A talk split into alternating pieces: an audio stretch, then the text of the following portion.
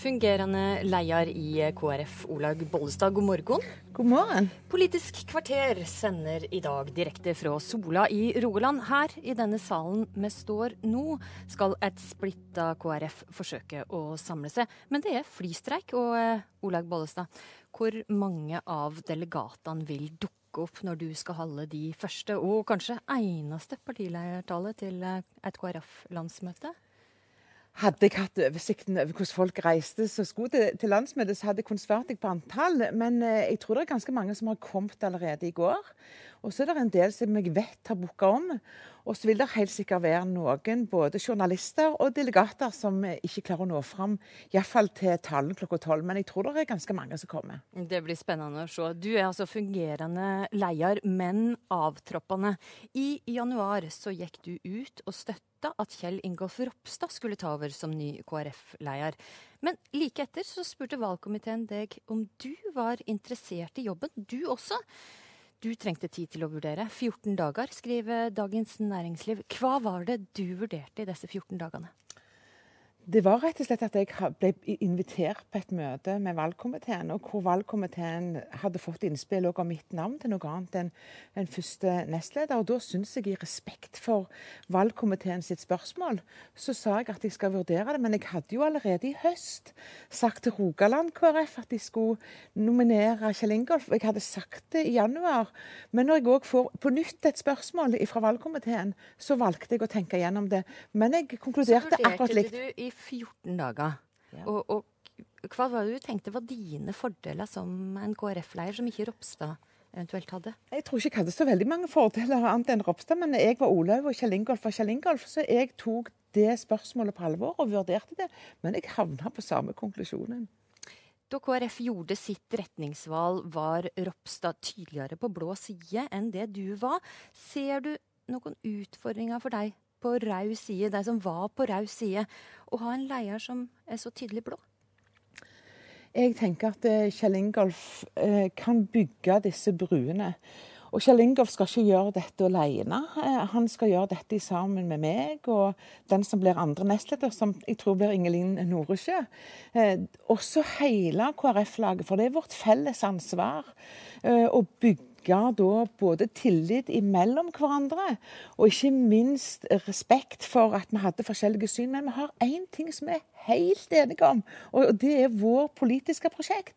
Og jeg tenker at da må vi bygge opp tillit mellom oss på at vi skal bygge dette partiet tilbake igjen til ett parti, for vi har ett mål, og det er KrF sin politikk. Og det tror jeg de som både var på rød side, blå side gul side, nå er veldig innstilte på. Ja, KrF sin politikk, men rød og blå side er jo ikke helt enig i hvem det skulle sitte i regjering sammen med. Hareide var ubestridt eh, leder, men trakk seg da han ikke fikk det som han ville. Du vurderte å stille, men droppa det. Mm. Og flere ønskte Hans Olav Syversen som eh, KrF-leder. Er du nå trygg på at eh, Ropstad er rett? For det første så har Hans Olav Syversen òg en, en, veldig flott person. Men han òg har takka nei, og det skal vi ha respekt for. Jeg tror at Kjell Ingolf Ropstad er en god mann for KrF. Og så er det alltid, som ny leder, eh, en utfordring. Uansett hva side du hadde stått på, å bygge tillit. Og det tror jeg at Kjell Ingolf Ropstad virkelig er i stand til å gjøre. Jeg har stor tro på Kjell Ingolf Ropstad. Det har sittet i tre måneder i regjering, men KrF synker på målingene og er godt plassert under sperregrensa.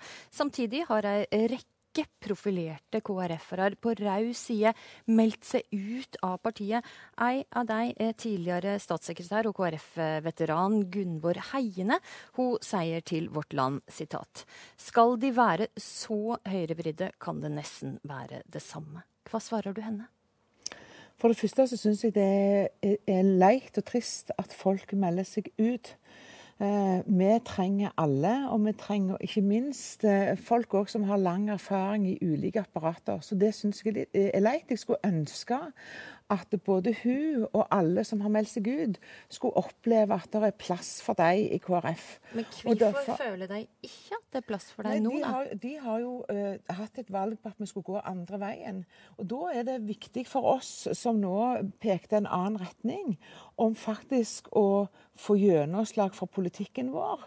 Uh, vise at dette var det vi skulle gjøre nå. Men det er ingen ubestridt hemmelighet at KrF er et sentrumsparti, så betyr at KrF sitt potensial er å kunne arbeide begge veier. Men vi valgte allikevel nå å gå inn i regjeringssamarbeid. Og det må vi vise oss verdig, den måten vi nå skal jobbe på. Det har, mistet, det har mista 500 medlemmer siden januar. Skal du forsøke å få tilbake heiene og de røde medlemmene det har mista, eller skal du forsøke å få nye stemmer i mer konservativ retning? Jeg har lyst på alle medlemmer. Ja, Det eh, forstår jeg, men du må vel ta et valg? Ja, men jeg tenker at det, det, er ikke sånn at KrF kun skal være for noen i enda mer konservativ retning, som du beskriver. Jeg kjenner meg ikke helt igjen i KrF da. Eh, eh, jeg tenker at KrF skal ha rom for, for enten du står på den sida eller den sida i det politiske landskapet. men tar du nå helt innover det realiteten at det har mista ja, mange ja, røde medlemmer? Ja, det tar jeg virkelig virkelig inn over meg. Og jeg tar inn over meg at en veldig stor prosentandel òg har sett seg på gjerdet i forhold til KrF. Og jeg har et mål om at disse skal komme tilbake igjen. For mange av disse sier at det er jo egentlig KrF sin politikk som ligger hjertet deres nærmest. Og da må vi faktisk vise gjennom politisk håndverk nå at vi både får til og vil ha disse tilbake igjen. Og den tilliten ønsker jeg virkelig å bygge. For det at KrF trenger akkurat de både som har meldt seg ut, og nye medlemmer. Du, eh, det er mange saker som skal opp i denne salen her i helga. Og eh, vi skal innom noen av dem og forsøke oss på en ja-nei-runde. Er du for å ha en foreldrepermisjon som er øremerka til far? En del av permisjonen syns jeg er klokt at det er far. Ja. Det var et ja. Mm. Støtter du deg som på sikt ønsker at eh, KrF sitt program skal gå inn for sjølbestemt abort? Det syns jeg er et vanskelig spørsmål. Jeg står der programmet i dag. Og ikke bestemt det ennå? Nei. Må du ta stilling til det på landsmøtet her i dag? Nei. Nei. Er du for eller imot ei styrt avvikling av oljenæringa? Jeg tenker at vi må være kloke hvor vi leverer eh, lisenser nå. Men vi trenger oljenæringa. Men ei veldig mer grønnere næring òg i framtida, tror jeg. Lenge ennå. Du er altså mot ei styrt, av, uh, styrt avvikling av oljenæringa. Vi skal over til et nytt tema. Ei rekke av representantene som møtes her i helga, de har varsla at de vil ta opp saka om barn av IS-krigere. Og først så lurer jeg på, Olaug Bollestad, om du veit hva FN sin barnekonvensjon sier om hva ansvar vi har for barn som lir og blir utsatt for umenneskelig behandling? Ja, det tror jeg jeg kjenner godt. Ja, Hva sier den konvensjonen? Jeg klarer ikke å ta det på ordrett, men vi skal ivareta unger som er i krig og nød. Mm. Og den sier også at vi har ei plikt mm. til å handle. Mm. Ei plikt til å få barn bort fra skade, sier eh, Barnekonvensjonen. Når de regjering i to måneder har sagt at vi ikke skal hente hjem disse barna, har vi da fulgt denne plikta? Eh, Regjeringa har jobba over tid eh, for å se på muligheten for å hente hjem norske unger. KrF og jeg sjøl talte om dette lenge før påske på landsstyremøtet til KrF, som var en offentlig tale, om at det er vårt ansvar. Det er våre unger. Og vi har et ansvar for å gjøre det vi kan for å få disse ungene hjem. Det har vi vært opptatt av i regjering, det har vi vært opptatt av i partiet. Og det tenker jeg det er det som nå statsministeren signaliserte i foregår. At vi nå begynner i en ende å prioritere de foreldreløse ungene først. Og det er fordi disse ungene er de mest sårbare ungene. Alle er sårbare. Jeg syns det er vanskelig å gradere, men det er ingen voksne rundt de. Det er ingen som står foran de i det forferdelige eh, hverdagen de egentlig har. Eh, de kan være offer for både salg, misbruk og vold. Eh, så jeg tenker at det der er der vi ser det kan være et mulighetsvindu for å hente ut først. Og da prioriterer vi det først. Men det betyr ikke Så dere har ei plikt, altså, ja, til plikt. å hjelpe alle disse barna, uavhengig om de har foreldre som er i live eller ikke? Ja, det har vi. Og vi har òg ei plikt. Men i to måneder ja. så har de regjering sagt at det ikke er aktuelt å hente ut disse barna. Ja, men... Hvorfor har det sagt det hvis det har en plikt til å hjelpe deg? Vi har en plikt til å hjelpe, men det, vært, det som har vært utfordringen Hvorfor har de faktisk... sagt at det er uaktuelt å hente deg ut da? Nei, fordi at det har vært ganske problematisk. Og det er problematisk. Det er ikke en quick fix å bare reise ned til disse leirene og hente ut. Det er en ganske enkel måte å si det på. Det er mange utfordringer på den veien. Og i tillegg så har heller ikke den norske stat visst om alle disse ungene. Det vi leste om i Aftenposten f.eks., disse ungene har jo ikke staten visst om. Og Det betyr at vi må jo òg vite om disse ungene, og at familier og pårørende faktisk sier hvor er de, og hvem er de. Og så har jeg lyst til å si, Vi har ikke bare ansvar for de norske ungene som er i disse leirene. Jeg har òg lyst til å si at vi som nasjon har òg ansvar for alle ungene i disse leirene. Og Det betyr at vi òg må bruke midler til de ungene som vi ikke skal hente, for de er ikke norske unger. De har vi òg en plikt til å hjelpe med midler fra Norge. Men vi har vel et særskilt ansvar for de ungene som faktisk er norske. Ja, og hvis du det, sier, ja, men... Olaug Bollestad, hvis du sier at vi har hele tida hatt denne plikta til å hjelpe mm. deg. Sier du da samtidig at regjeringa hele tida har ønska å hente hjem alle barna, slik Barnekonvensjonen vi har, en, vi har et ønske om å hente hjem våre unger, men det er mange alle barna. Regjeringen ja, alle, har et ønske om ja, å hente hjem ja, alle barna, også de som har foreldre. Ja, for alle unger. Hvorfor sier statsministeren da at det er uaktuelt å hente deg hjem? Fordi det er mange utfordringer på den veien. Om foreldre vil, og skal, der er, vi har et lovverk som skal straffe de foreldrene som har deltatt i, i, i, i de handlingene osv.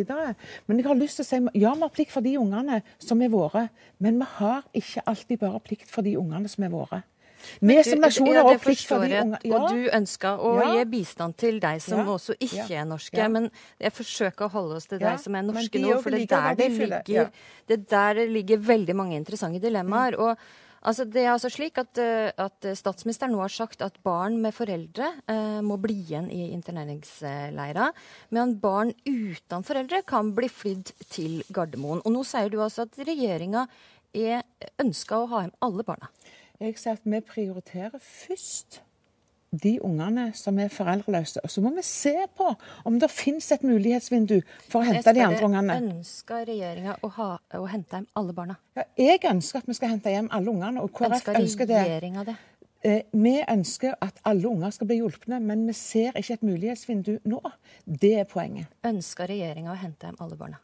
Vi ønsker å hjelpe alle ungene. Ja, Snakka du nå om KrF, eller snakka du om regjeringa? Ja, både KrF, men jeg mener òg at regjeringa ønsker å hjelpe alle ungene. Men vi har ikke det mulighetsvinduet nå.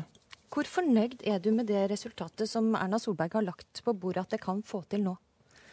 Jeg er glad for at vi finner og klarer å prioritere det mulighetsvinduet som nå ligger for de ungene som er de mest sårbare. Jeg skulle ønske det hadde vært en quick fix og gjort mange av de andre tingene, men det er ikke så enkelt. Derfor så, så jeg at... De ungene som nå har foreldre, de må finne seg i å vente til det kommer ei avgjørelse, og til regjeringa har funnet ut hva det skal gjøre? Nei, men det er ikke bare Norge som skal gjøre eh, eh, sine ting her. Skal, en, en, skal hente ut unger i et område som er ganske komplisert. En skal vite hva en går til. En, det er andre som òg er i det området. Det er ikke så enkelt som bare å reise ned og hente. Og Derfor er jeg, opp, jeg er opptatt av alle ungene. Men nå jeg må vi se at dette er komplisert, uh, Olaug Bollestad, men det jeg forsøker å finne ut av, er jo om det faktisk ønsker å hente hjem alle barna. Ja, men regjeringa ja, KrF vil det. ønsker å hente hjem alle ungene, og det mener jeg at regjeringa òg vil. Men vi ser at det er så mange kompliserte spørsmål rundt de som har foreldre. De foreldrene de har gjort noe straffbart. Det skal ikke ungene straffes for. Men vi har en utfordring fordi vi òg må ta de foreldrene som da skal straffes. Og da tenker jeg, da må vi først klare å prioritere de vi klarer å hjelpe, og det er de ungene som er foreldreløse. Og hva med foreldre? Skal de bli straffa i Syria, eller de, bør de bli henta hjem til Norge? Det er jo det store, vanskelige spørsmålet. Skal vi ha en internasjonal domstol? Skal vi gjøre et samarbeid? Vi har et lovverk hos oss.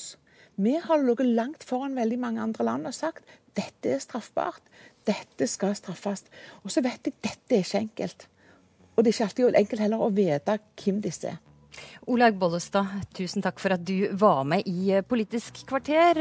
Om klokka tolv går du altså på talerstolen her og skal holde de første landsmøtetale, og den som kanskje også blir den siste. Vi sender direkte på nrk.no og NRK2.